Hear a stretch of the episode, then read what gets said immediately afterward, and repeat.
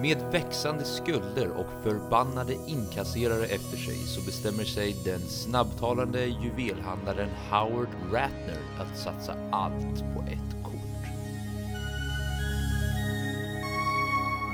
Filmen vi ska prata om idag är regisserad av Benny och Josh Safdie. Den är även skriven av dessa två bröder tillsammans med Ronald Bronstein.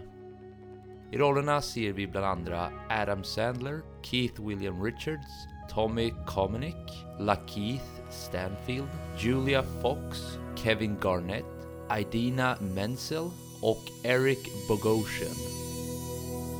Filmen är 2 timmar och 15 minuter lång, hade en budget på 19 miljoner dollar och vann bland annat utmärkelsen för bästa skådespeleri till Adam Sandler under Movies for Grown-Up Awards.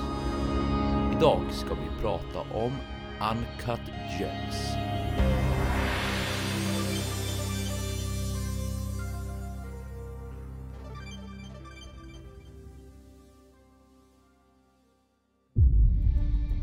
As far back as I can remember, I always wanted to be a gangster. The first rule of Fight Club is you do not talk about Fight Club. Did you read all this acid? That's right. Music! What is real? How do you define real? Du är leksak! More people than you think, and more people each day. This is a world getting progressively worse. Can we not agree on that? Det finns bara ett ord för sådana som du. Och det är ondska. English, motherfucker! Do you speak it? I am the danger. Get away from her, you bitch! Are you not entertained? Are you not entertained? Why so serious? Hallå allihopa och välkomna till ett nytt avsnitt av Spoiler alert med mig Joel Keskitalo och med sina juveler, med sina klockor och ett extremt upphetsat sinne. Mr.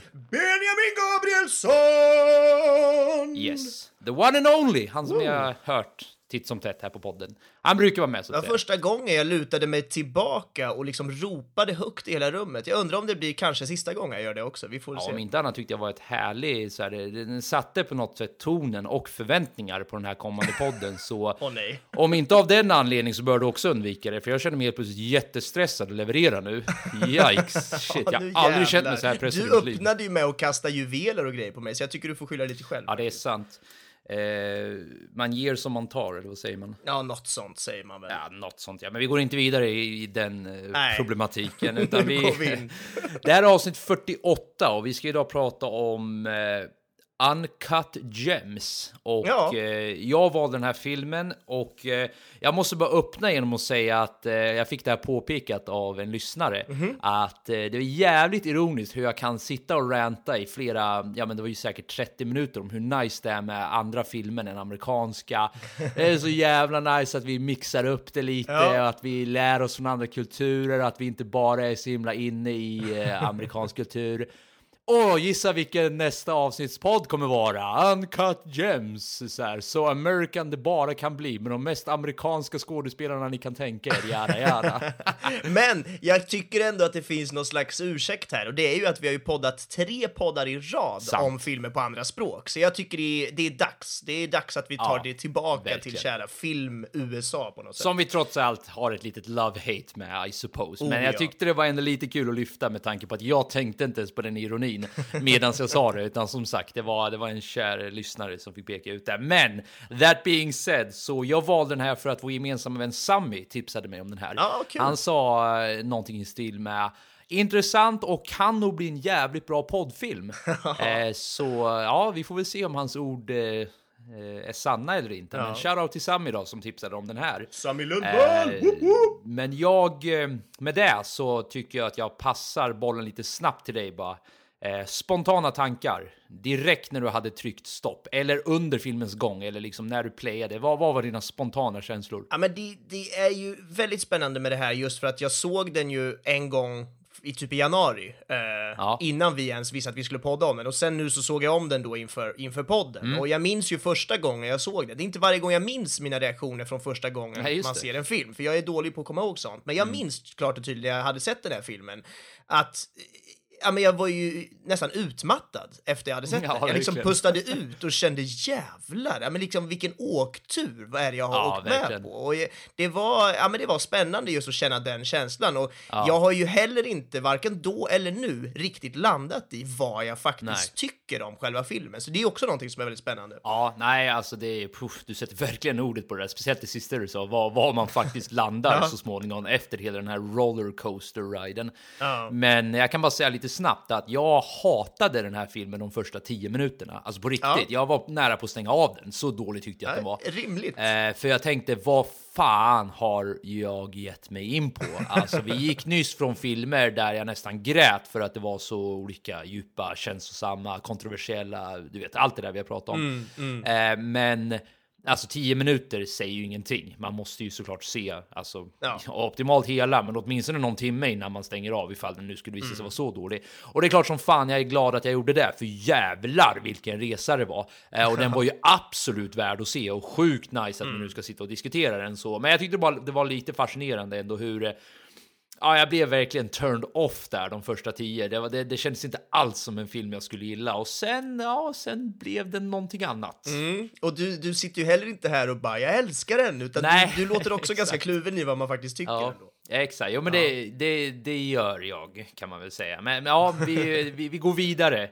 Eh, Ja. kan, kan inte du öppna vad, vad alltså filmen? Va- varför är varför är vi så jävla kluvna? Vad händer här? Ja, men jag har svårt att sätta fingret på just varför. Jag har ju liksom spekulerat fram och tillbaka nu i veckors tid känns det som. Alltså dels efter första gången jag såg den så har jag liksom tänkt på den fram och tillbaka ibland för att den har ju dykt upp på olika ställen så jag har tänkt, men vad tycker jag? Och sen Ja. nu då när jag väl ska podda om den, då måste jag ju komma fram till att jag ska Mm. tycka någonting också. För det, det är på något sätt lite det vi försöker göra här under en timme. Faktiskt komma fram till någonting så vi inte bara sitter Mm. och rabblar skit, vilket vi också såklart gör. Men jag tycker ju att det känns som att den här filmen är lite av en vattendelare. Ja. Den har ju fått många fina betyg, inte minst från filmrecensenter i både Mm. Sverige och USA, vilket inte alltid är helt självklart, tycker jag. Alltså, Nej. jag, jag har ju nämligen tycker jag ofta sett att det skiljer sig vad recensenterna tycker i just USA och Sverige. Mm. Men de brukar tycka ganska olika där. Men här är liksom de flesta ganska eniga om att det här är en toppenfilm. Ja. Ehm, och det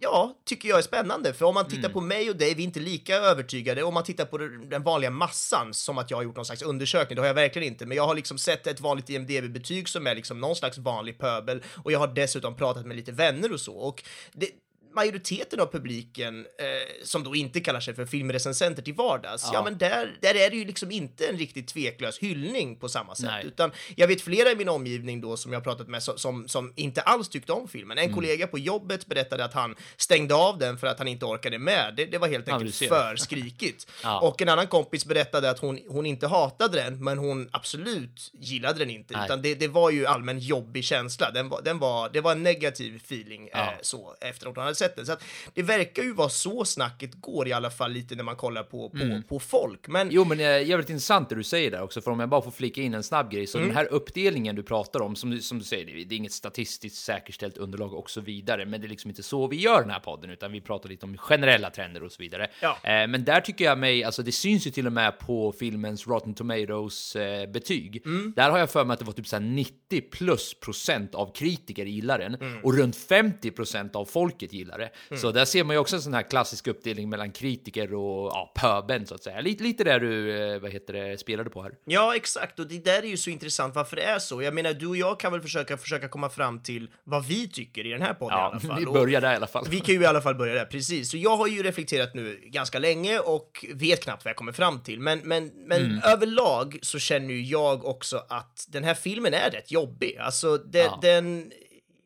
den, den är skrikig, det, det är liksom sådär over the top hela tiden på, på ett ganska eh, Väldigt stressig. stressigt och påtagligt sätt. Och, men den gör det, alltså det här jobbiga, på ett ganska utstuderat sätt. Mm. Just för att de vill ju förmedla den här känslan. Ja, exakt. Alltså den här, den här världen som Adam Sandlers karaktär, vad är det han heter, Howard va? Ja, exakt. lever i. Alltså New York City och hela den pulsen och sen såklart den här världen av smycken och juveler som hela tiden dealas på, på olika sätt. Och saker sätts i pant, olika personer är skyldiga pengar och du vet, de kommer fram på gatan och försöker få tag på honom och dessutom har vi hans spelberoende som ligger på och, och, och ja, det får man väl ändå kalla det som ett spelberoende. Det kanske inte är uttalat, men det känns som att han ändå har ett jävla spelberoende. Men... Men, med tanke på att han har två stycken som basically är på väg att döda honom för att han inte har betalat tillbaka pengarna. Och när han får tillbaka pengarna så är det första han gör att sätta in dem på ännu ett nytt spel. Så ja, jag skulle vilja säga att han har ett visst spelproblem. Okej, bra. Tack, tack för eh, förtydligandet. För det är Ja, den lilla instickaren där. Ja, men det, det är bra. Så att, nej, men han, han har väl, får vi väl ändå säga, någon slags livsstil som går ut på att få snabba kickar av, av Ja. adrenalin liksom på olika saker. Det är ju via pengar och betting och så vidare. Och den här galna livsstilen Mm. ligger väldigt långt ifrån hur, hur gemene man, tror jag, lever sina vardagliga liv. Eh, och det här är just ett levnadssätt och situationer så, som, som ja, men som det här inbringar, som jag tycker filmen förmedlar på ett väldigt snyggt sätt. Mm. Jag menar, jag tycker ju att filmen är jobbig och skrikig just för att den är sjukt skruvad och, och ja, en absurd värld som vi får ta del av. Och, Ja. och det är ju nog just den här känslan av kaos som ändå funkar, galenskap som ändå går runt och, och Mm. ja, men impulsivitet som leder till beslut så långt bort man egentligen kan komma från en, en jantelagsuppvuxen svensk som du och jag i grunden och botten ändå Ja, är. faktiskt. Ehm, Ja. Det är någonstans eh, vid det vägskälet som, som jag står. Liksom. Att, Mm. Alltså att filmen är totalt galen. Filmen porträtterar en värld som är långt ifrån min egen och det är därför jag tycker att den är jobbig och på pappret Mm. rätt så ointressant. Men sen efter att ha sett filmen så landar jag ju ändå i, tror jag, att den har någonting. Alltså den, Ja. den, den, den är ju trots allt rätt så jävla underhållande. Mm. Men jag gillar den ens. Eller, ah, jag vet typ inte. Så det är det som är så skumt i mitt huvud. Det är en sjuk jävla ambivalens som jag inte Mm. riktigt är van med att känna efter jag sett en film. Så, ja, vad tänker du om allt det här Joel? Och, Mm. och varför tycker jag som jag gör? Kan du förklara? Ja, ja, men nu jävlar. Nu är det så här. Dissecting the brain of Benjamin a commence. Nej, men fan, jag tycker du, du lägger upp en jävligt nice eh, setup här. Att eh, det är en tydlig vattendelare. Vi följer en, alltså den är extremt ångestframkallande. Eh, det är ju nästan ont att titta på den. Ja. Bara för att eh, Alltså, jag, jag, jag, jag, måste typ andas ut nu innan jag ens börjar ranta om den. Så, så, så liksom mycket har den påverkat mig. För det är verkligen stress hela tiden. Alltså från att filmen börjar till att den slutar så skulle jag vilja hävda. Med, med få liksom avbrott då och då när man sitter på någon teater eh, som en av hans döttrar eh, framför har jag för mig. Eh, men till och med i sådana tillställningar så är liksom det här övergripande molnet av stress fortfarande med oss hela tiden. Och jag tycker också att du sätter fingret på att eh, Hate it or like it. Jag tror inte man kan klandra filmen för att sätta oss i det state of mind. Eh, för det jag tror filmen vill förmedla är precis det här du försöker komma åt här. Att eh, det här är liksom i huvudet på en superstressad, eh, superambitiös, eh, såhär, spelmissbrukande, eh, såhär, pengatjänande, high society roller, aristokrat, liksom. Sätt in valfri eh, adjektiv där för att beskriva den här typen.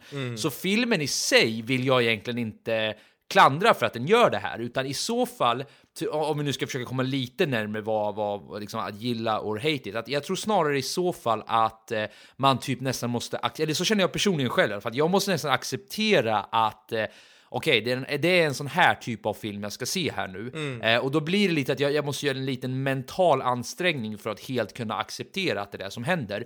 Eh, jag skulle kunna dra lite liknande jämförelse med filmen 300. Ja, okej. Eh, och, inte eh, den jag förväntade mig att du skulle jämföra. Nej, Kul. och, ja. eh, och det har inte så mycket att göra med liksom, tonaliteten i 300, för den är radikalt annorlunda från hur Mm. den här är. Jag ska inte spoila så mycket om 300, men det är väldigt mycket slash, det är väldigt mycket gore, det är väldigt mycket muskler, det är väldigt mycket masculinity och jag menar den är också lite av en vattendelare för Mm. folk för det kan bli too jävla much av det där, ärligt talat. Men kan man sjunka in i det state of mindet och bara ta det för vad det är, en underhållande jävla rollercoaster, då tror jag att det är lättare att ta till sig av den också. För om man då drar tillbaka till den här filmen, ja, en stor anledning eh, att jag ville stänga av den i början hade ju delvis att göra med det här stressande, att shit, oh, jag kan ju knappt andas när jag tittar på den här filmen. Ja. Men också var det för att jag fick känslan av att den här kommer vara otroligt ytlig. Eh, och med ytlig, då menar jag alltså den har inga jättegenomtänkta twister kanske. Det finns eh, väldigt få så här, ja, men, som de vi har pratat om tidigare, såna här nästan politiska motiv som döljer sig i bakgrunden. Det är värderingar som clashar sig mot varandra. Allt det här går såklart att gräva fram. Det kan man göra med vilken film som helst. Men det är inte det som är filmens huvudfokus, utan jag skulle vilja hävda att filmens huvudfokus är bara snarare att få följa med in i eh, ja, men en stereotypical så här, American capitalist, om man ska lite halvslarvigt summera upp det så. Och Love it or hate it, men det är det filmen levererar. Eh, för det gör den verkligen. Den, den sätter ut det här uppdraget att det är det här vi ska visa vår publik och jag tycker att den gör det exceptionellt bra när du väl har fattat att det är där den handlar om. För om du sitter och letar efter saker den inte kommer att leverera, då kommer du liksom bli oundvikligen besviken när, när den sen då inte levererar det. Eh, så det är en av punkterna, och bara för att fylla i det du har sagt nu, som jag tror är till dess fördel, ärligt talat. Men att vattendelaren då ligger snarare i om du är redo eller villig att se den här sortens film. Vad, vad tror du om den lilla minitesen? Ja men verkligen. Jag menar, så, som jag nämnde så hade jag ju en kompis, en kollega på jobbet som, som stängde av filmen och inte orkade se klart. Ja. Och där har man ju, dels har man ju inte sett hela filmen, du vet ju inte riktigt vad den mynnade ut i. precis. Tänk om den var bättre på slutet och så vidare. Men det handlar väl också väldigt mycket om att den personen var nog inte redo för att ta sig an den där typen av Nej, film exakt. just då. Den kanske förväntade sig något annat. Den tyckte väl allmänt att gud vad skrikigt och högt. Tänk om det var sent på kvällen, du vet man sitter med lite halvlåg volym. Ja men du vet så här, det finns ju Ja, så många olika precis. faktorer som kan spela in för att det kommer inte vara rätt moment just nu Nej, och dra på den här filmen. Och det där är väl egentligen det vi varje dag känner när vi scrollar igenom till exempel Netflix-flödet och man är såhär, vad ska jag kolla på? Då letar man hela tiden efter någonting som är i precis rätt Ja, mode. precis. Och det är därför vi ofta sitter och tittar längre tid på, på själva scrollningen än vad vi tittar på en faktisk film. Textbook. För att vi har så svårt att hitta, ja, men det är ju det, och alla känner igen sig i det här, för att vi har så svårt att hitta det där som man, du vet det där, jag är sugen på exakt det där och så är Ja, man, man det är det där som våra själv. framtida så här, AI-algoritmer ska lösa åt oss. Ja. Vi ska inte behöva sitta och Exakt. scrolla i tre timmar, utan den ska bara Precis. exakt det här är vad du vill ha just nu. Och Netflix och alla de här andra streamingtjänsterna försöker ju det här redan nu. Liksom. Ja, de, de, de föreslår ju grejer som de vet eller tror att vi kommer gilla och är Ja. lyckats mer eller mindre på olika sätt Precis. såklart. Men, men det, jag tror det ligger jättemycket i det här just att man måste vara redo för den här filmen. Jag tror att det är eh, vår kära vän Johannes Bangura, Bagge, han, Ja. eh, han har ju sagt ett bra uttryck att ska man gå in och kolla på en viss film som till exempel en Marvel-film eller en Avengers-film eller något Mm. liknande, då kan man liksom inte förvänta sig vad som helst. Man måste förvänta sig lite som, som, som typ snabbmat. Att, att man går till McDonalds, det kan vara svingott, Mm. men det kommer ju inte vara en oxfilé du vet som är stekt på olika sätt eller, eller något annat lyxmåltid som man skulle kunna Nej, slänga precis. till här med. Men att man måste gå in med inställningen av att nu är det McDonalds vi går till Ja. och det kommer vara gott, men det är just den typen av mat vi får. Och jag tror att det är lite det här här också. Man får gå in med rätt Mm. Inställning inför en sån här film. Det tror jag är viktigt. Ja, absolut. Och eh, bara för att då fortsätta trycka på Alltså när man väl har kommit över det steget, för i mitt fall så handlar det inte nödvändigtvis om att eh, ja, jag, vill verkligen se den här så jag kommer ta mig igenom de här första tio minuterna. Det handlade snarare om att jag måste se den här för jag ska, jag ska plugga, eller jag ska inte plugga den, eller det här är väl ett sorts plugg antar jag, men alltså jag ska podda om den så småningom. Eh, och jag kan ju inte ringa och säga att jag byter film. Jag menar, vi har redan lagt ut ett avsnitt där vi har pitchat den, allting är klar, det vore tråkigt att bara, ah, we don't do that helt enkelt. Eh, så för mig var det väldigt enkelt att bara, nej, jag måste acceptera vad den här filmen än har att leverera. Och då kände jag automatiskt att jag sjönk in i det lite snabbare. För det var, visst, det är klart att det kunde hända någon sån här, du vet, Black Mirror-twist eller någonting. Men det, det, det verkade så jävla orimligt. Så jag, jag tyckte ganska snabbt att jag förstod liksom tempot på den här filmen. Jag förstod eh, liksom, eh, alltså jag förstod inte vart allting var på väg. Men jag förstod vad den ville säga åt mig liksom. Och som sagt, när jag, när jag började acceptera det, då insåg jag att vad man än säger om den här filmen så kan man inte säga att den var tråkig. Och jag, jag menar, jag vill då särskilja eh, ett par begrepp nu bara. Den kan vara dålig kan man kanske tycka, man kanske inte gillade den. Men när jag säger tråkig, då menar jag att man tänker så här, "Ah, det händer ingenting, fan kan inte handlingen komma framåt. Det kan man inte säga med den här filmen. För om det är någonting den inte är så är det tråkig. Alltså den är, och det är ju just för att eh, de har det här fast-paced tempot hela tiden. Och det, det är inte bara eh, in terms of hur filmen är klippt till exempel, eller hur storyn är skriven, utan allting håller ju det här höga tempot. Alla karaktärer håller det här höga tempot. Hela filmen liksom dras hela tiden, eller liksom kör hela tiden. Eh, men det, det kör bara rakt fram i, i högsta gas utan att veta om vi kommer krascha in i en tegelvägg eller inte. Så jag måste säga det, två timmar och vadå, hur lång är den? Två timmar och 15 minuter kanske? Typ. bara flög förbi för mig. Eh, och eh, som sagt, sen fick man ju tvungen att typ samla sig själv lite och bara okej, okay, what the fuck did I just watch? Och som du säger, sen, sen började ju den här uh, bearbetningen om man faktiskt tyckte om det eller inte. Men som sagt, boring är i alla fall out of the cards för mig. Eh, är det något du håller med om? Eller? det håller jag verkligen med om. Det finns ju så många olika saker i den här filmen som gör att det är omöjligt att det blir tråkigt. Ja. Och en sak är ju såklart tempot som du har varit inne på här väldigt mycket. Jag tycker att det finns väldigt mycket detaljer i den här filmen mm. som man kanske inte riktigt tänker på, men som, som ändå förtydligar just det här med att det blir intressant. Att mm. det ger ju, vi har ju precis pratat om att filmen inte är djup på, på så många sätt. Den är ganska straight forward, det, det, det, det är tydlig story och sådär, men den har små detaljer som ändå gör att det finns något slags mm. litet djup. Djup är väl ett kanske dumt ord att slänga sig med, för då förväntar sig folk någon jävla, du vet, memento alla Christopher Nolan liknande ja, twist. Men det är liksom inte det med djup jag menar, utan jag menar helt enkelt bara att det finns ett litet lager ytterligare än att ja. det bara är människor som skriker på varandra. Och eh, jag har några exempel på det helt enkelt. Mm. Um, vi har ju lite som jag nämnde kort förut, uh, så nämnde jag att det, det, det, är folk som helt random stoppar Howard när han går på stan mm. och det visar ju sig att de vill ha pengar från honom, att han är skyldig folk pengar på olika sätt. Ja. Och det här tycker jag är en väldigt underhållande detalj, att vi får liksom ingen vi, vi, får liksom inte veta så mycket mer om det, utan vi helt plötsligt bara, han går på stan, någon snubbe kommer mm. fram till honom och bara ey, cash bro, bla bla bla bla, och han är typ så här, stick, ta den här klockan, dra åt helvete, fortsätter ja, iväg till det han egentligen ska göra. Ja.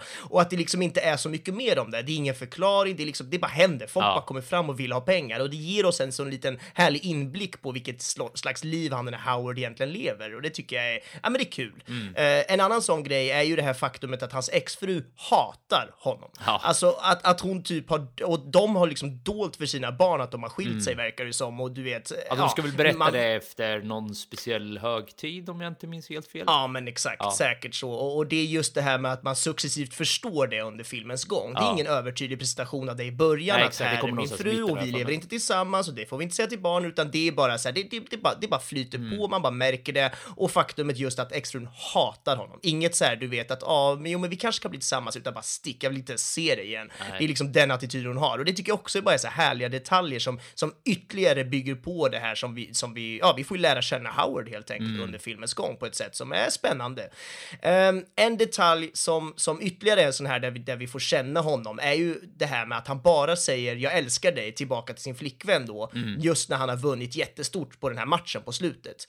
Uh, det säger kanske någonting om hans kärlek, eller inte kärlek till henne, men framförallt säger det väl någonting om hans liksom besatthet, eller kärlek om man nu så vill, mm. till att spela och att vinna. Liksom. Ja. Att det, det, är det som betyder mest. När han säger jag älskar dig till sin flickvän på slutet, då är det egentligen jag älskar mm. att vinna han säger. Han säger inte ens jag älskar Ja, han dig. säger väl till och med i eh, taxin typ, eh, eller inte om han säger det ordagrant i taxin, men han har ju precis vunnit något stort och han typ ah, ah, ah.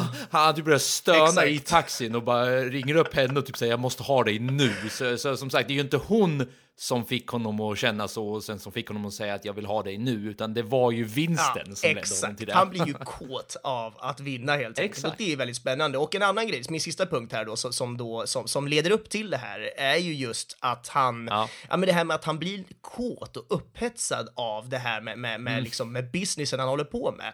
Det får vi ju på riktigt se första gången när han öppnar, eller kanske inte första gången, men en tydlig gång i alla fall, är när han öppnar den här eh, paketet med stenen helt enkelt på sitt kontor första gången. Ja. Då sliter han ju upp en jävla fisklåda och du vet han öppnar någon fisk och så tar han ju upp den här stenen och han står och tittar på den djupt och vi, kameran åker liksom in i stenen samtidigt som hans kollega står och pratar om något bullshit som, som varken vi eller han lyssnar på. Men och, och du vet så, så, så zoomar kameran ut igen och vi får se hela hans ansikte och då så säger han typ så här, ah, jag kommer för att den är så mm, liksom vacker och härlig. Eh, och dessutom då, vilket det här är jävligt spännande, så blir hans ögon mycket, mycket, mycket mindre i den scenen. De har liksom gått in i CGI i efterhand och gjort, krympt hans ögon digitalt. Ah, shit, så tittar man noga, nej men man tänker knappt på det och gör man det så är det bara så här, what the fuck, vad är det som händer? Men jag uppmanar alla att, att antingen gå in på Netflix, spola tillbaka till den scenen eller gå in på typ YouTube. Det lär väl gå att söka på mm, eh, Uncut Gems Eyes Shrink eller någonting så lär det komma upp. Men det är jättespännande för det ser så sjukt ut. Hans ögon går liksom från att vara normalsizade till att kanske bli pyttesmå prickar prickar nästan mm. i hans ansikte för att då ytterligare ge oss den här känslan av att han är, ja men det är det här magiska ja. suget som han känner och som den här stenen då kan framkalla hos folk. Ja men det är en stor sinnesförändring, eh, just eh, på grund av att han Ja. ser det där. Alltså, ögonen brukar ju vara en av de bästa indikatorerna på att någonting djävulskt eller himmelskt händer i hjärnan just nu. Precis, och det har de gjort då på ett sånt lite overkligt sätt, vilket passar ganska bra tycker jag med att den här stenen får fram någonting overkligt hos folk också. Så att det, Mm. ja, men jag gillar en sån liten detalj och alla de här detaljerna jag har lyft nu, det finns såklart många fler i den här filmen, Mm. men det, det är härligt, det ger oss mer kött på benen i en film som är väldigt sådär rakt pang på Mm. och folk bara pratar och skriker, men det finns något jävla litet Mm. lager där i alla fall som, ja, men jag gillar det. Ja, men, men absolut. Och eh, ska man eh, fylla på det du nyss precis sa så kan man baka in en punkt som jag hade tänkt att prata lite kort om bara. Och det är ju den här, eh, alltså nästan den stereotypiska judeavbildningen, ärligt talat. Eh, och jag menar, de har ju väldigt många indikatorer på det på den här filmen. Alltså, de gör det ju ingen hemlighet att de är judar till exempel. De är ju på väldigt många judiska högtider. De pratar väldigt mycket om deras judiska härskap. De, ja, de namedroppar väldigt mycket som har med judendomen att göra helt enkelt. Eh, men de spelar ju också medvetet på den här karikatyren av en girig, ja men en, basically en girig jude som vill tjäna jättemycket pengar och liksom har inga problem att köra över folk för att komma dit.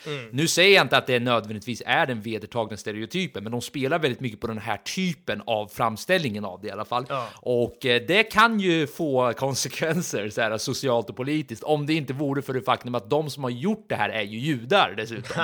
Så de driver ju liksom med sitt egna... man ju safe. Ja, men då safear man sig lite för kritik i alla fall. För jag menar, de skulle ju säkert bara sitta, ja, men det är så här vi beter oss. Men som sagt, det är Ja. en film och det är överdrivet, så don't hate me för att jag säger allt det här. Men jag tycker ändå det är kul att de så skandalöst och liksom eh, utan någon skam, ja det är väl samma sak som skandalöst eh, spelar på den här stereotypen och den fick mig hela tiden att tänka på Ari Gold från eh, Entourage. Wow. Eh, och det, det, det är precis samma tempo, eller inte riktigt samma tempo för det är ju en serie. Ska du ge liksom, någon slags liten backstory på, jag vet, jag, det, kanske många har sett Ja. den serien, men det var ju inte igår den kom ändå. Ge oss lite backstory Nej. på Entourage. Ja, men jag kan ge lite backstory. Så Entourage det är alltså en serie på, jag tror det är sex eller sju säsonger som handlar om det här gänget i Hollywood där en, en i det här lilla kompisgänget har blivit väldigt känd och ja, Skådespelare. Ja, är är på väg att bli Hollywood-skådespelare helt enkelt. Och han har då en agent som heter Ari Gold som är baserad på en riktig person som heter Ari Emanuel. Och den här Ari Gold är ju då filmagent, fast han är så mycket mer än så. Han är ju liksom eh, en filmmogul får man Mm. nästan säga. Han skapar inte filmer själv, utan han har sitt agentbolag, men han är basically en, ja, en jätte i den industrin. Och eh, då är han faktiskt en av huvudkaraktärerna i den här serien kan man Mm. följa. Och man följer med honom på alla hans olika deals och hans, eh, ja, när han fixar åt Vince, som den här skådespelaren heter då i Entourage. Och eh, ja, man får bara följa med i hela hans stressfyllda liv och se hur han tjänar pengar och se hur han förlorar pengar och se hur han lyckas med ett inköp, hur han lyckas med en film, hur han misslyckas, hur han misslyckas, hur han misslyckas, hur stressad han är, hur han lyckas fram och tillbaka, jada jada. Han är också jude, han spelar också på sitt, sin judiska härkomst i Entourage och han är precis lika stressad som den här jäveln är hela tiden. Och han har en line i Entourage som jag tycker funkar väldigt bra här också. Han säger någonting i stil med No one is happy in this town except for the uh, poor. Look at me, I'm miserable and that's why I'm rich. och jag tycker det på något sätt summerar upp det ganska bra. Att han, han är på något sätt till och med medveten om hur jävla dåligt han mår. Ja. Men han är så jävla inne i det här pengaspelet att han bryr sig inte längre. Du vet, allting som spelar roll är att vara rik och liksom lyckats med det. Ja, vad du än liksom försöker lyckas med i den här världen så att säga. Så eh, jag, jag ser liksom härliga likheter, dels med de här två karaktärerna, men också kul ändå hur de kan spela på den här judiska eh, vad heter det, stereotypen. Och utan att göra det osnyggt ärligt talat, för det är ju mycket av värderingarna de lyfter som man skulle kunna klassa som bra värderingar, alltså till en grad. Jag menar, judar har ju liksom, ja, vi tar bort nu hela deras historia, persecution och så vidare, vi ska inte lyfta det här och så vidare. Men de tenderar ju att lyckas väldigt bra i affärer tack vare att de har just den här, det här drivet och den här viljan att inte ge upp och den här viljan att cutta deals och de har ett community där de hjälper varandra. Fast i och med att alla också är ganska inne på att tjäna pengar så misstänkliggör de varandra och det är liksom en hel, en hel eh, Ja, men det är ett helt spel liksom mellan dem också. Eh, så jag tyckte det var jävligt kul hur de kunde jobba in den delen också som sagt, utan att få det att bli tongue in cheek eller känsligt på något sätt. Eller jag vet inte, jag kan väl slänga ut det som en liten fråga till dig. Var det där någonting du upplevde som konstigt på något sätt eller out of place? Eller tyckte du också att det, att det funkade? Vad, vad är dina tankar? Ja, men jag, jag köpte det nog ganska rakt av. Dels för att det känns, som du är inne på nu, det känns stereotyp, vi har sett det förut och då har jag tänker jag och många andra lättare att köpa en, en stereotyp för att man känner igen den och har sett den förut kanske. Eller så är det just därför man borde rygga till och tänka att men gud, så där ska vi väl inte Mm. porträttera dem ännu en gång. Nej. Eh, så kanske man borde lite mer klokt då sitta och tänka, men det gjorde jag faktiskt inte, utan jag, jag satt där och bara tog in allt och kände att sure, så här är det väl. Ehm, och det känns ju också lite som att det är lite så. Alltså jag menar, gud vad jag inte vet någonting om, om den judiska eh, Nej. minoriteten i New York. Jag har ingen aning. Men jag vet att det finns heller. många judar i New York och jag Ja. vet att det finns många så kallade Brooklyn-judar. Det är väl de som är Mm. chassid-judar tror jag, som har liksom det klassiska, du vet, höga hatten och krulliga lockarna Mm. på sidorna och sina rockar och allting. De bor ju i Brooklyn de flesta och det, det är liksom jättestort. Alltså så här, jag vet att den här världen finns. Mm. Därför köper jag det när det väl visas upp i en film så här. Och som du säger nu också, hade det inte varit så att de här filmskaparna, är det regissörerna, de här eh, bröderna som de är? Ja, alltså dels är Adam Sandler jude och dels Ja. är ju båda, eh, vad heter det, filmskaparna judar också. Så ja, Precis. det, är- det är de där jävla judarna igen. ja, men jag menar, för då är det ju på något sätt också okej. De får väl göra en film om sitt eget folkslag om de Mm. vill, sure. Så att, så att det, ja, jag har nog verkligen inte så mycket bättre eller annorlunda Nej. att säga där, utan jag köpte det och tyckte att det var en, en nice bidragande Mm. del till den här filmen om inte annat. Ja, nej, jag ville, jag bara ville höra dina tankar lite snabbt om det. Och det är absolut inte, det är heller liksom ingen grej som, alltså de hade kunnat vara judar eller inte judar. Och jag tror fortfarande att filmen inte hade varit sämre eller bättre. Eh, kanske lite sämre, jag vet inte. Men jag tyckte att, att, eh, att om de ändå ska ha den delen med så tyckte jag att det var nice hur de då liksom fick det att fungera. Utan att det var en grej man övertänkte speciellt mycket. Det hade liksom inte en överdriven signifikans att de var judar, utan de råkade vara det och ja, det passar ju då in i den stereotypen, så why the fuck not liksom. Men medan vi pratar nu så kommer jag faktiskt på en annan punkt som vi skulle kunna lyfta lite snabbt. Eh, och eh, det är en liten större punkt som jag inte, ja, som jag bara skulle vilja vädra lite snabbt med dig. För vi har ju pratat nu om att filmen är väldigt straightforward. Det är som en rollercoaster ride och den är ju inte djup i den vanliga bemärkelsen som vi använder ordet djup, men det finns vissa tendenser till det och det är klart att det finns ett eh, undre lager man kan börja granska varför varför händer någonting av det här och så vidare. Så det är väl lite där jag är kvar just nu mentalt, för man kan ju fråga sig varför han gör någonting av det här. Vem vill leva en sån här livsstil? För jag menar, det verkar ju bara vara stress, det verkar ju bara vara krossade relationer, krossade drömmar, folk som misstänkliggör varandra, folk som jagar dig på gatan. Jag menar, vem fan står ut ärligt talat? Och du, du lyfter lite där att han, han söker kickar. Alltså på något plan är det ju det som är det liksom underliggande, att ja, vi alla människor söker kickar och han har just nu liksom halkat in på en speciell bana av kickar som, som ger honom, ja men som sagt, han, han får mer av en kick av att vinna eh, av att vinna på en basketmatch än vad han någonsin skulle kunna få av, sin, av sina mänskliga relationer. Men jag skulle vilja bara lägga fram tesen att eh, kickarna han söker har inte nödvändigtvis att göra exclusively med till exempel spel. Eh, alltså då att satsa väldigt mycket pengar på basketmatcher eller trav eller vad man än behöver, vill göra liksom. Eller att han lyckas, du vet, skåra ett jättebra sälj till en jätterik basketstjärna. Så nu har han helt plötsligt, du vet, 45 000, 60, 70, 80 000 dollar på sitt konto. Eller att han lyckas hänga med, men det är väldigt höga sociala skikt. Alltså sättet han eh, bär sig själv på tyder ju på en viss pondus och att han, han känner sig liksom hemma i de flesta. Han går ju liksom in på eh, Garnets basketträning som att han ägde stället. Jag menar, det, det är ju en pondus han har fått av att vara i den här världen. Och jag skulle vilja hävda att allt det här är som små pusselbitar till en mycket större eh, ett större pussel eller en större, ett större spel skulle jag vilja kalla det. Och det skulle ju då eventuellt kunna vara det kapitalistiska spelet. Eh, och jag har rört lite vid det här tidigare också. Eh, jag pratade till exempel när vi poddade om Nightcrawler om det här. Eh, och då var min tes lite att kapitalismen och den sortens marknadsekonomi som han befinner sig i får honom nästan in på den här banan att bete sig som, ja, ska inte gå in vidare hur han beter sig, utan Nightcrawler kan ni se själva och sen lyssna på vårt poddavsnitt om det. Ja. Som jag inte glömt, som jag glömt bort vilket nummer det är. Men skitsamma. Att kapitalismen, lite slarvigt definierat här, jag tänker inte gå in på någon djupare definition på det. Ni förstår vad jag menar där också. Men det är ett sorts spel i sig självt nästan. Och det är lite, lite det här jag ser också hos Ari Gold, att det är hela det här paketet liksom. Det är hela det här paketet av jag träffar kändisar som jag försöker kränga jättedyra items på. Jag spelar på de här kändisarna med hundratusentals dollar som jag inte ens själv har. Jag får tillbaka alla de pengarna. Jag investerar i en jättedyr bostad.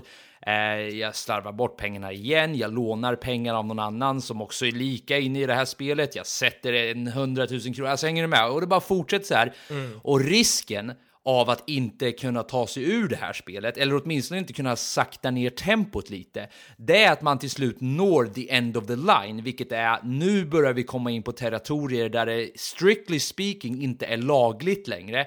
Men mer än så, det börjar bli livsfarligt nu att spela det här spelet. Och det är då vi börjar komma över till såna här maffiarörelser, alla typ eh, ja, apropå filmen vi inte kommer ihåg namnet på, vad fan hette den, vad heter det, Net, uh, The Irishman. Mm. Eh, alltså mm. vi, vi kommer in till den sortens värld om vi bara fortsätter spela det här spelet utan att tänka på att det finns lagar och regler som faktiskt försöker begränsa det här spelandet. Mm. Eh, och jag tycker, man, jag tycker man ser att han är på det spåret. Liksom. Han må inte vara en maffiagangster, men han är inte jättelångt därifrån om han själv skulle bestämma, tror jag. Mm. Så min poäng med hela den här lilla tesen om att det här är ett spel, liksom ett spel i spelet kanske man säger, det är att om du accepterar kapitalismens grundregler av du vet, att tjäna så mycket pengar du kan, återinvestera pengarna i dina egna, i dina egna företag eller dina egna förmågor eller dina egna tjänster eller vad, vad du nu väljer och bara fortsätt att trampa hela tiden. Om du inte har självdistans till det, då tror jag risken är att du gör så mycket, människ eller så mycket människor till dina fiender att du bara dras djupare och djupare in i det här spelet tills du finner dig själv i en situation där du dels är beroende av alla de här kickarna som spelet ger dig, mm. som du sa tidigare, de här kickarna du får av att vinna bara. Men dels är du inne så mycket finansiellt att det, det går liksom inte att backa ut längre även om du ville. Och då får du konkludera hela min eh, min lilla rant här om The Game, det kapitalistiska spelet som det så mystiskt heter i mitt huvud. så han, han tar sig ju kanske ut, eller han tar sig ut finansiellt till slut. För det får vi ju se, han vinner ju tillbaka pengarna. Han kanske tar sig ut mentalt, det lämnar vi osagt. Vem vet, han kanske hoppar in i skiten igen. Eh, men nu har det gått så långt att han inte kan ta sig ut rent eh, fysiskt eller i, i, livet. Han dör ju för fan. Han dör.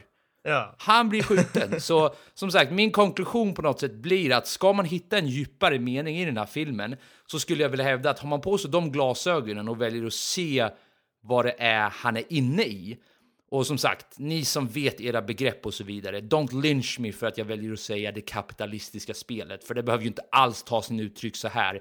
Kapitalism är ju bra och så vidare. Jag vill bara ha det sagt ännu en gång. Mm. Men bara humor me, for the sake of my argument här.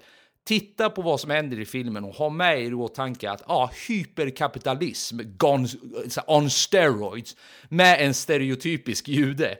Och ja, konklusionen blir ändå rimlig på något plan. Och medan jag nu har rantat om det här så tror jag att jag samtidigt har fått svaret lite på vad jag tyckte om ja, filmen. Kul. Jag tycker fan den funkar med tanke på allt vi har sagt. Så ja, vad har du att säga om allt det där? ja, men jättekul. Bra utläggning och, och kul idé överhuvudtaget. Det, det känns ju som när du säger det så känns det ganska självklart. Det är väl klart att det är det det handlar om och kapitalismen och allt det här. Men det är ju kanske inte så självklart för att vi ser ju det ofta. Det porträtteras ju väldigt ofta i olika filmer där det ofta kan vara ganska ja, men romantiska slut på det. Att mm. det slutar på ett sätt som känns som att ja, men där slutet gott. Du vet, han kommer undan mm. med, med tjejen och pengarna i behåll och det är sådär. Ja. På något sätt var det lite uppfriskande kanske då att den här filmen valde att bara skjuta honom i huvudet mm. och sen var det slut på den resan. Och, ja, ja, om vi bara stannar där en minut, för, förlåt att jag avbryter ja, dig sure. nu när du skulle få prata egentligen. Men jag måste bara få höra dig. Vad, vad tyckte du om slutet och vad kände du när slutet väl hände sen? Nej, men jag blev ju otroligt chockad först och bara va? Alltså, jag hade ingen aning om att det skulle bli så. Jag tänkte att Nej. den här filmen skulle gå den vägen jag precis nu sa, att den här lite enklare utvägen, att mm. allting gott, slutet gott och så vidare. Men så blir han skjuten i huvudet och min spontana reaktion var ju bara wow, vad fan händer? Ja. Några sekunder senare så finner jag mig själv med ett jätteleende på munnen och bara känner att ja, fan vad nice att de gick den här vägen och Mm. vad kul att de vågar göra det och vad, vad kul för filmens skull att det hände något mer intressant än att det bara blev slutet gott, allting Mm. gott. Så att, äh, men jag gillade verkligen det slutet. Jag tyckte det var klockrent. Jag tror också att det är en av anledningarna som fick mig att faktiskt ens överväga om jag tycker om den här filmen eller Mm. inte. För utan det där slutet så skulle jag nog bara, ah, det där var inte värt resan. Det Mm. var bara för mycket skrik. Men nu med den lilla payoffen på slutet så kändes det ändå som att, ja, fan, härligt. Det- Mm. De tog mig någonstans jag inte riktigt var beredd på ändå och det, det var skönt. Det uppskattade jag. Och det missar ju uppenbarligen alla som valde att bara stänga av efter typ 20-30 minuter. Mm. Frågan är om inte de typerna kanske, alltså jag menar de som redan har bestämt sig har ju typ redan bestämt sig. Ja. Ingenting som kommer hända i slutet kommer ju förändra det. Men jag undrar om man, om man inte hade varit lite mer open-minded och faktiskt tagit sig igenom allting och då sett den här lilla twisten i slutet så kanske det hade fått upplevelsen. Ja, jag vet inte, jag, jag tyckte ju också att det var ett skitbra slut, inte lyckligt. Så här, by God, så nu, nu när saker äntligen har börjat lösa sig, nu när vi äntligen får andas ut, då händer det där också. Ja. Men jag säger precis som det. Jag tyckte det var ett otroligt bra slut på. Ja, det var en rollercoaster som till slut bara smashade in i väggen. Ja, faktiskt det är det väl. Och vad, vadå, lyckligt slut kanske inte för honom, men jag menar, det finns många andra människor som älskade att han dog, kan jag tänka mig, i den där världen. Så Ja, det, med tanke på liksom vilken deep trouble han hade satt sig Exakt, själv i vid det laget. Och jag menar alla runt omkring, hans, hans exfru är säkert glad. Alltså jag menar, det, de flesta är nog glada. typ. Ja, Ja, nej, men eh, vi känns som att det ändå blev en ganska bra utläggning, så Mm. Vi kan väl eh, i summeringen så får du sen eh, ge oss ordagrant eh, Ja, exakt. om du har landat i någonting vettigt eller det inte. kommer ju ett litet stycke här nu framåt med det tekniska som Ja. brukar kunna få mig att tycka och tänka olika saker också. Så att jag ska väga in det i, i mitt beslut innan jag helt eh, Mm. avrättar eller hyllar den här filmen. Men ja, för annars, eh, jag tycker eh, vi rör oss mot det tekniska då, så eh, ljud och bild som du brukar börja med. Vad, har, vad finns det att säga om det? Ja, men eh, den här filmen är ju filmad både analogt och digitalt, eh, men framförallt analogt faktiskt med en Aricam LT. Eh, och det är just för att de ville få den här lite mer äldre och mer old school-stilen på, på, på det hela och valde det för att skjuta stora delar analogt då. Dessutom med anamorfiska objektiv som också ger en mer klassisk filmlook på det hela. Så att det, det var lite olika stilar här blandat, men just för att få fram en, en äldre och lite mer old school-känsla helt enkelt. Så att eh, bildspråket då överlag, det, är- det är väldigt levande och rörligt. Kameran eh, liksom följer ju ofta med situationerna, både genom att följa efter karaktärerna med exempelvis en steadicam eller easy rig, men också genom att panorera och tilta kameran ganska, ganska fri, friskt eh, mellan olika personer i scenerna helt enkelt. Och det som är lite speciellt i den här filmen är att eh, ja, men de väldigt flitigt har använt långa objektiv. Eh, alltså objektiv ända upp till 350 mm som då gör att kameran kan stå en bra bit bort från situationen. Eh, men det ger oss ju en mer liksom inzoomad känsla och de har ju valt att jobba så här just för att ge oss en känsla av att vi ständigt hänger med i situationerna. Vi står hela tiden en bit bort och liksom iakttar det som sker. Vi får eh, ja, men smyga oss på och nästan se det som händer riktigt nära fast vi ändå inte står precis bredvid dem. Och eh, jag tror att det ökar eh, den här intensiteten man nu känner under majoriteten av filmen. Så att jag tycker det är ett väldigt smart sätt att jobba på just för att inkludera oss som tittar i någonting som annars skulle kunna kännas som att gud vad står de och skriker om där borta. Så att det är men smart att använda långa liksom zoom-objektiv så man får, får en känsla av att vi står och tittar på på håll. Det är ja, men lurigt. Ehm, när vi ändå pratar om bilden så vill jag, ja, men jag vill också nämna gradingen som något jag tycker är, är vast, som jag verkligen gillar. Alltså färgpaletterna och färgtonerna som de använt sig av. Och dels har ju koloristen fått jobbat ordentligt eh, för att få alla de här scenerna att smälta samman i färgkorrigeringen just eftersom det är filmat både analogt och digitalt. Det skiljer sig väldigt mycket mellan analog och digital teknik och det syns ganska tydligt i bild, speciellt när det är helt olika kameror och så vidare. Men här har de ju jobbat snyggt för att det inte ska märkas och jag, jag tycker det flät samman väldigt härligt i den här filmen, alltså utseendemässigt då, eh, med färger och, och kornighet och grynighet. Och, eh, ja, men jag vill ju också då eh, hylla den här övergripande tonaliteten som de har lyckats få fram här. Det är just det här skitiga, gryniga, kontrastrika gradingen som ligger på filmen konstant, vilket passar sjukt bra i ett New York och dessutom med, med allt som sker här i den här världen som vi får ta del av. Så ja, jävligt snyggt helt enkelt. Eh, sen kan man ju inte gå ifrån just den här filmen utan att prata någonting om ljudläggningen. Eh, vi har ju pratat en del om hur skrikig och högljudd den här filmen är och det är inte bara för att de råkar vara liksom ett, ett, att, att det råkar vara ett skrikigt manus och att det är gormande skådespelare som, som, som det är så här, utan de har ju också jobbat stenhårt med det här i efterhand, alltså med en jävla otrolig ljudläggning helt enkelt. I vanliga filmer inom citattecken så försöker man ofta minimera ljudbilden till att till att enbart vara det som behövs för att en scen ska få fram sitt budskap. Mm. Är man exempelvis i en park i en storstad så hör man typ lite försiktig trafik på avstånd, man hör lite fågelkvitter, kanske en hund och några barn som leker en bit bort mm. och, och sen så hör man dialogen från personerna som pratar.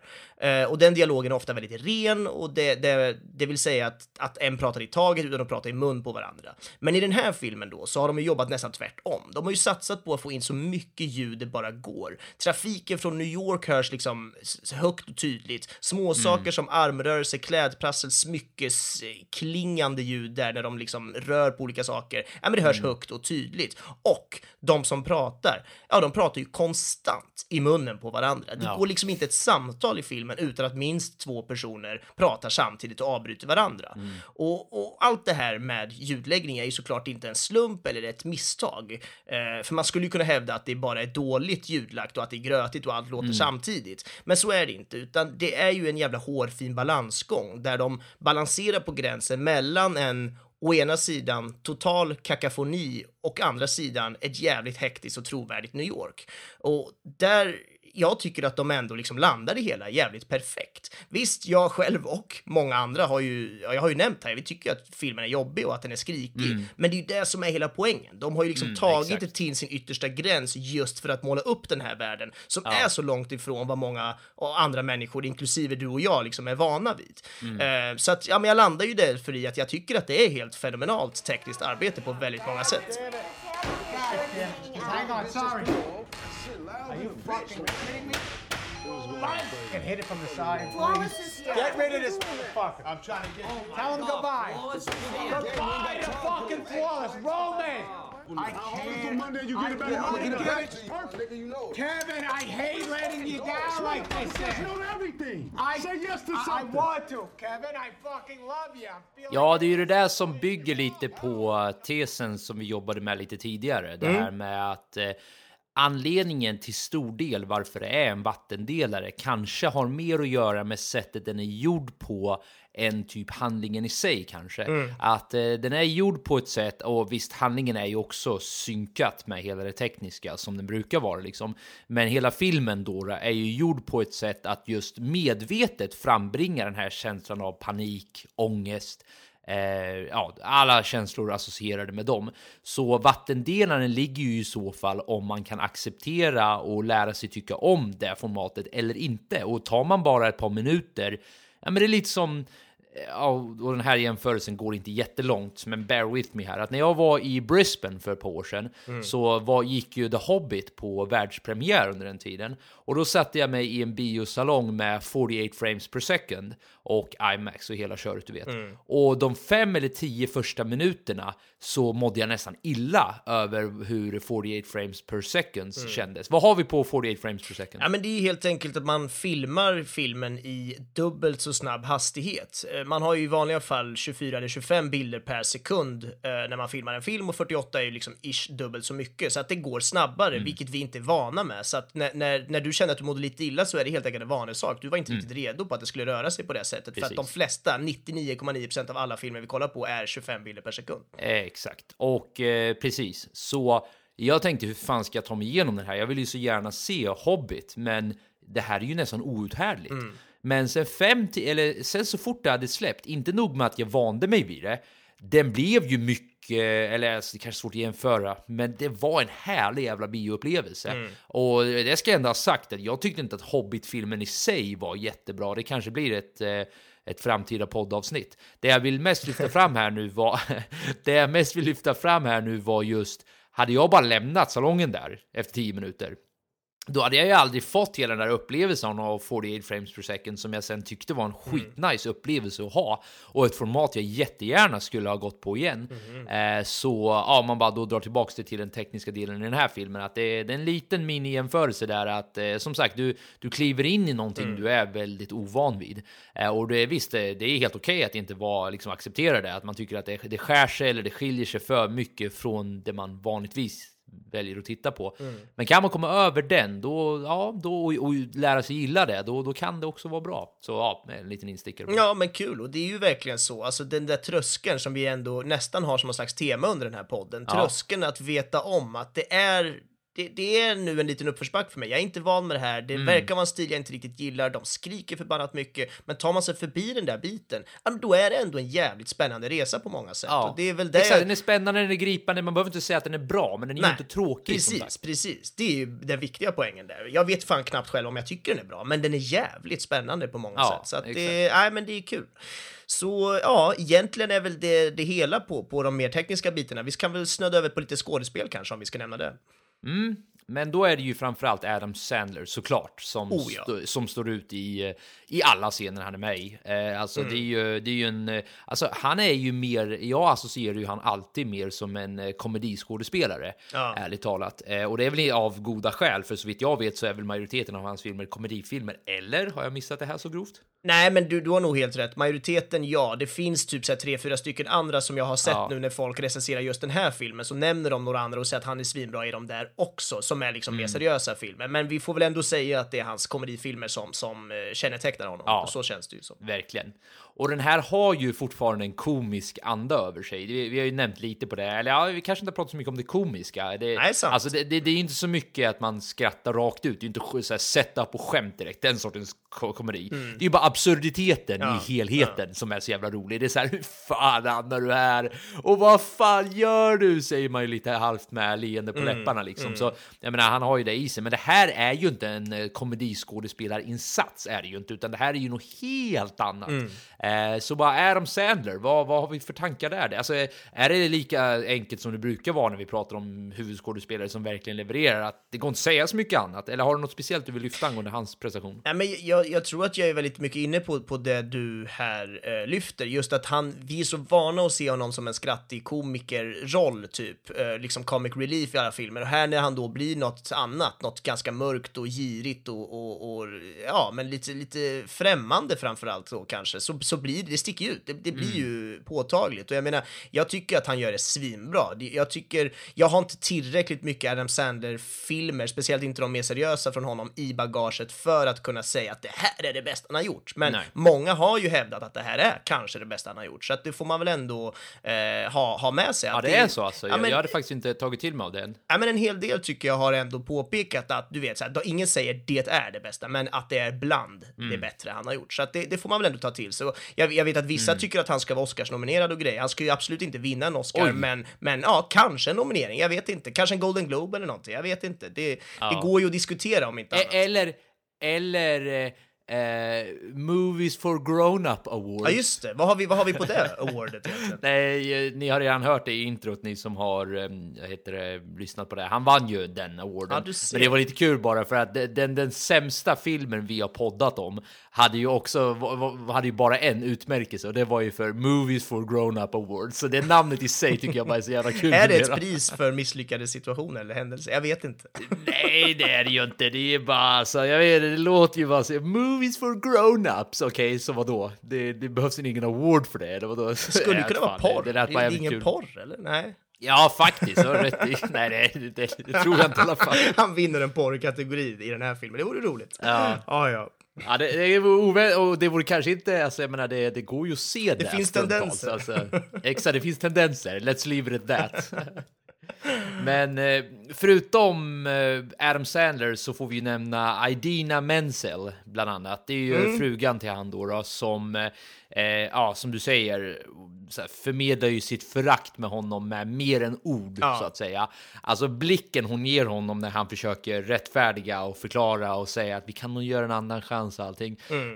Jag tycker det bara var så jävla klockrent ögonblick när hon bara stirrar ner honom och så bara du, det finns ingenting som skulle få mig att gå tillbaks med dig. Jag vill egentligen bara slita dig i stycken.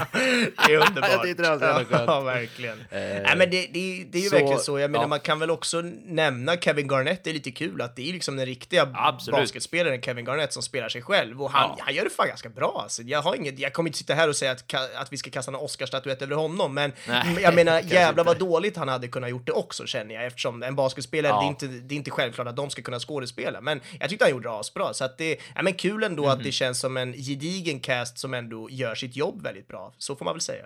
Ja, verkligen. Eh, Jag skulle bara vilja lyfta upp eh, vad heter Keith William Richard och eh, Tommy Komenick, tror jag att han Mhm. heter. Eh, det är de där två som först hänger med Arno, det vill säga kusinen till Adam Sandlers Mm, just det. karaktär. De där två typ bodyguard-snubbarna. Är det en av dem som ja, skjuter dem till slut, eller? Ja, eh, ja. exakt. Eh, jag tyckte att de två också var ett eh, genomgripande härligt element att ha med i Mm. filmen, för de var, eh, men de var stundtals lite komiska kan jag Ja, tycka. de faktiskt. sitter där i bilen och bara “Han står still nu, han står still nu, ja men nu, nu, nu står han still. Nu, jag ser inte vad han gör, du Arno jag kan inte se vad han gör, du tyvärr jag kan inte se vad han gör, vad fan ska vi göra? Ja, nu, nu rör han sig igen, nu rör han sig igen!”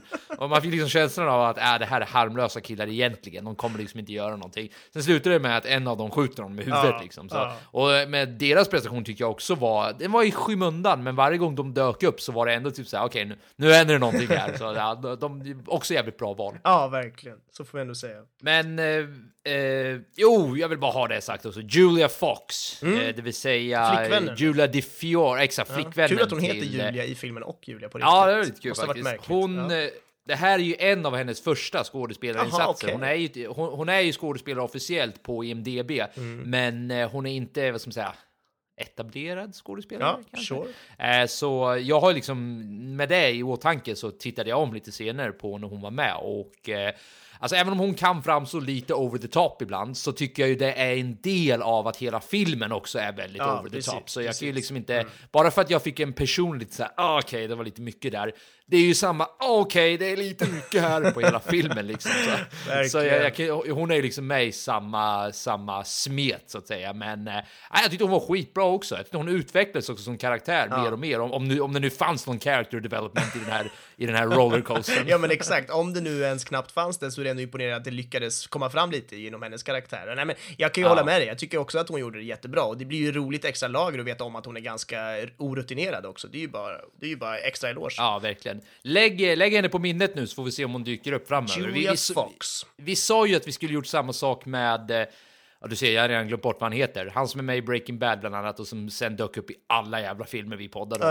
Uh, Jesse, nej, du menar ju Jesse Plemons? Ja, Jesse Plemons ja. Det var ju Mm. också en vi sa, fan, eh, fan vad nice, han kommer säkert göra asmycket bra. Sen har han varit med i typ allting helt plötsligt. Han bara passade så jävla bra, så who knows, maybe Julia Fox is one of those. Ja, kul. Vi får hålla ögonen öppna.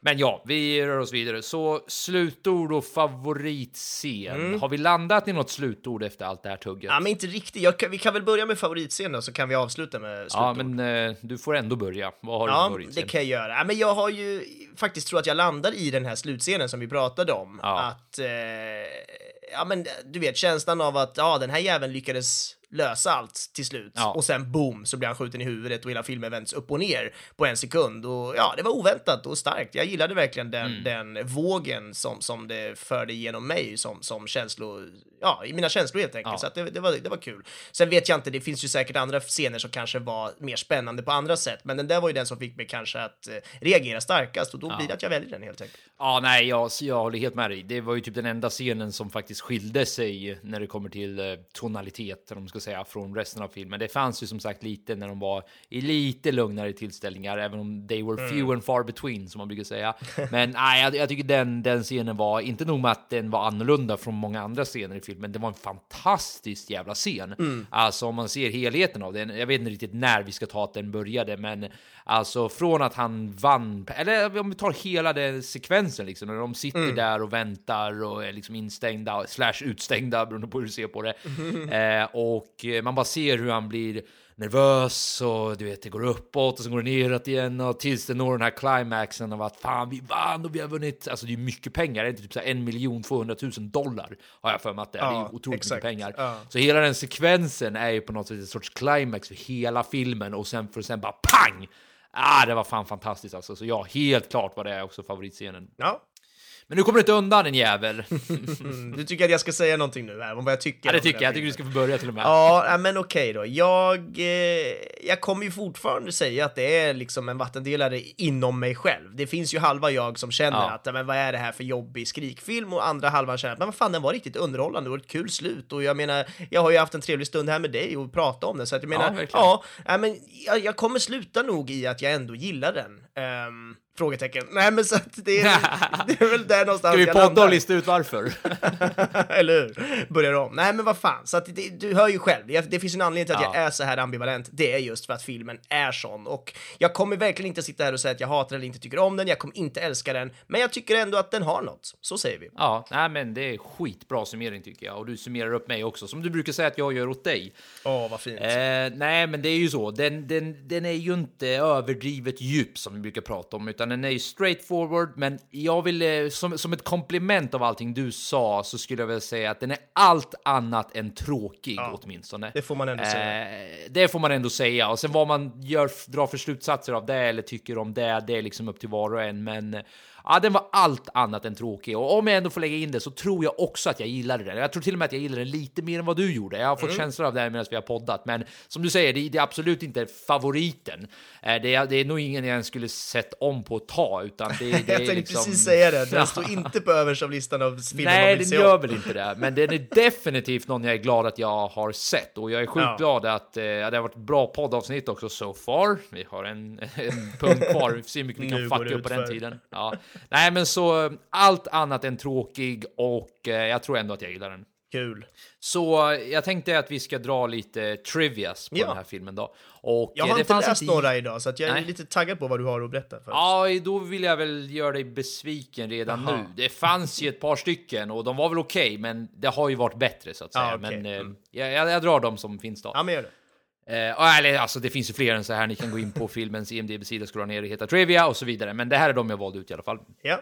Så filmen inspirerades av bröderna Safdys farsas tid. Alltså bröderna Safdy, det är ju då de bröderna som har, ja, ni har redan hört det på introt, men ja, de som har skrivit och regisserat filmen. Yes. Eh, att det, den var inspirerad på när deras farsa jobbade som en försäljare eller som en ombud för, eh, för en man som också hette Howard och också bodde i Manhattan Diamond District. Eh, och eh, Safdie-bröderna och deras farsa är också judar och de är också stora basketfans. Så de har liksom själva tagit allt det här in i filmen och spelat på de, ja som sagt, stereotyperna som vi pratade om förut lite. Ja, kul. Eh, så, Safdie-bröderna, jag tycker det låter så här- härligt att säga det, Safdie-bröderna. Är det så man uttalar det? Det är officiellt. Ja, men de, det står det S-A-F-D-I-E, Safdie, så jag säger Safdie. Ja, men det låter väl bra. Jag menar, jag jag hade ju kunnat det fått är för mig att det är Safdie eller någonting. ja, det är sant. Men det är nog Safdie-bröderna. nej, nej, nej, nej. Nej, vi skiter i det där. Safdie-bröderna har länge velat gjort den här filmen. Redan 2009 så hade de idéer att göra den, men eh, de har inga pengar då. De var nobodies då. Mm. Och eh, det var inte förrän de hade gjort filmen Good Time som inte jag har sett. Har du sett den? Nej, tyvärr, men ska vara en ganska nice film som är deras liksom sådär, wow, det här är deras coola uh, Exakt. upper rising coming film liksom. Precis, så, för det var efter den som... Eh, eh, ja, den var tydligen så bra och... Eh, eller så här, låt mig ta, ta om det där. Så innan de gjorde Good Time då, så hade de inte tillräckligt med finanser för att kunna göra den här filmen som de egentligen ville göra. Och eh, den filmen då, Good Time, den blev till slut verklighet genom att Robert Pattinson visade sitt intresse att jobba med de här bröderna. Och det var efter att han hade sett en poster med en skådespelare som heter Ariel Holmes när hon var täckt i rosa neonljus. eh, och eh, ja, det kan man ju fråga sig hur, liksom, vilka, vilka, ja, sjuka sammanträffanden kan man ju tycka. Men skitsamma, så det här är i alla fall viktigt för att när efter att Patterson, Pattinson hade träffat Safdie-bröderna då, då så hade de nästan tänkt att ge upp på den här idén om good time. Men de blev så inspirerade av hans energi och du vet, så bara, ah fan vi kan göra det här. Eh, så de skrev den filmen med honom i eh, huvudet och sen är ju han då med i den här filmen. Eh, och eh, ja, den blev ju kritikerrosad och den blev eh, hyllad och allting är gröna skogar. Men Framförallt nu så fick de ju finanserna de hade sökt. Men de fick också ett erbjudande att göra en superhjältefilm som var väldigt inne just då och som typ fortfarande är väldigt inne. Men rätt ska vara rätt. Tackar nej till superhjältefilmen och satsar på Uncut Gems. Så ja, Wow. eh, long dedication, det var en lång trivia, men det har hållit på länge också, sedan 2009. Så jag kände att det var värt att ändå bana ut det där. Det tycker jag verkligen. Kul trivia och det var ju roligt också, starkt framförallt av dem att säga nej till sån där superhjältefilm Mm. som, som lockar ju väldigt många att göra för att det, det gör ju att du får såklart väldigt mycket pengar, du får leka väldigt mycket Ja. fritt, det finns så mycket liksom budget, men också att... Och det är trendigt. Ja, och trendigt, exakt. Du, ditt namn syns, du, du blir ju någon helt plötsligt på Mm. ett helt annat sätt. Så att, eh, ja, väldigt eh, starkt helt enkelt att lyckas Ja, säga emot faktiskt. det. Det är ändå karaktär på något sätt. Ja, får man säga. Eh, och no, sen några lite kortare här. Eh, det var tydligen Julia Fox idé att hennes karaktär skulle ha Howards namn tatuerat på hennes rumpa. För det gör hon ju i filmen. ja, det, det var hennes egna... Ja. Alltså, sånt där tycker jag är kul faktiskt, när skådespelare pitchar in liksom vad Mm. de själva tror passar bra till den karaktären de ska spela. Precis. De Eh, känner ju ofta den karaktären väldigt väl eftersom de går in i det helt Exakt. mentalt. Så det var ju, och jag tyckte att det funkar klockrent. Det är klart att hon hade en sån Ja, tatuering. absolut. Det, det passade, och speciellt med, med, med tanke på hennes hysteria när hon gjorde det också. Det, det funkade så jävla bra. Då bara no, don't leave me Howard, look I have this. Så Okej, ta det lugnt för fan. Um, Daniel, apropå så här, så intensiv eh, acting och sådär, Daniel Day-Lewis och hans jävla method acting. Ja. Han, han var i alla fall en av dem som hyllade Adam Sandlers prestation i den här filmen och Adam Sandler själv säger faktiskt att det här var en av hans höjdpunkter i sin karriär. Ja, vad kul. Eh, Adam Sandlers fru övertygade honom att göra den här rollen efter att hon hade läst manuset och tittat på filmen Good Time. Och eh, nu inser jag att eh, den här, så att ni tolkar den här meningen rätt. Hon hade alltså läst manuset till Good Time eh, och sett filmen Good Time och då övertagat Adam Sandler att göra den här filmen. Okej. Så slutsatsen man får dra av det är att hon måste ju ha gillat de här eh, regissörernas tankar, idéer, ja, allt det där. Mm. Okej, Howard Ratners juvelshop, alltså den han står i hela tiden och ja, där han har sina juveler. Mm. Den byggdes från scratch tydligen till den här filmen. Ja, nice. Studio då. Fan vad coolt. Ja, exakt. Och eh, då en sista trivia här. Eh, som jag nämnde lite tidigare också, att det här var då Julia Fox första filmroll och eh, bröderna Safdie sökte upp henne och erbjöd henne rollen enbart tack vare att hon är tydligen en väldigt high profile status i New Yorks sociala liv. Jaha. Så jag vet inte, alltså vi har, jag vet inte, det, kan du ban, här, förklara det där lite mer? Jag, jag förstår ju i teorin vad det kan innebära, men innebär det bara att hon är en väldigt, eh, ja men som, som det står, i, i New Yorks sociala liv så har hon väldigt mycket kontakter. Ja. Är hon typ som en influencer åt det hållet? Ja, men det kanske man skulle kunna kalla det. Jag, jag vet ju absolut inte vem den här människan är, så att jag kan inte sitta och säga vad hon är. Men, men jag gissar ju precis som du gör att det, det nog är så att hon ja, men har väl kanske en stor, stor Instagram, känner mycket folk, rör sig i väl liksom sådär överklass, coola kretsar där man hänger på dyra barer i New York och det i sin tur ger väl då en hel kanske publicitet eller liksom igenkännelsefaktor för många människor. Och, ja, jag kan, jag, det enda jag kan gissa på att det skulle i så fall gynna filmen, eh, varför de valde henne liksom, eller varför annars typ. Ja, nej, det var lite därför jag var tvungen att bolla med dig också. Och jag ser nu, jag vet det, instagrammade medan du pratade och ser att hon har ju en Instagram-profil med väldigt mycket bilder. Så eh, ja, hon verkar Hur många följare? Eh, 436 000. Ja, om alla de är liksom high profile New Yorkers, eller 20% av dem åtminstone, då kommer ju det locka, eh, antar jag. Ja, det står till och med under hennes eh, namn här. A New York Classic. Eh, och som sagt, jag, vi ska egentligen inte gå djupare in på det. Jag Nej, var tvungen att fråga vad, om du hade något intressant att säga om det. Men eh, ja, det, det, det hade du inte, så vi lägger ner nu. Nej, jag. Helt rätt. Eh, nej, men som sagt, det här kanske var lite antiklimatiska uh, trivias nu med tanke på vad vi pratat om och så vidare. Men jag hittade inte så mycket mer intressanta. Men vill ni se de resterande så finns de som sagt på filmens E IMDB-sida. Eh, och med det sagt så, vad kommer nästa film att bli, Benjamin? Ja, men så här är det att nästa avsnitt kommer att handla om filmen Aniara. Som är... Aldrig hört talas om. Aldrig hört talas om. Nej, det är inte jättemånga som har den nämligen. Men det är en svensk film som, eh, ehm, ja men var med på Kan du bokstavera det?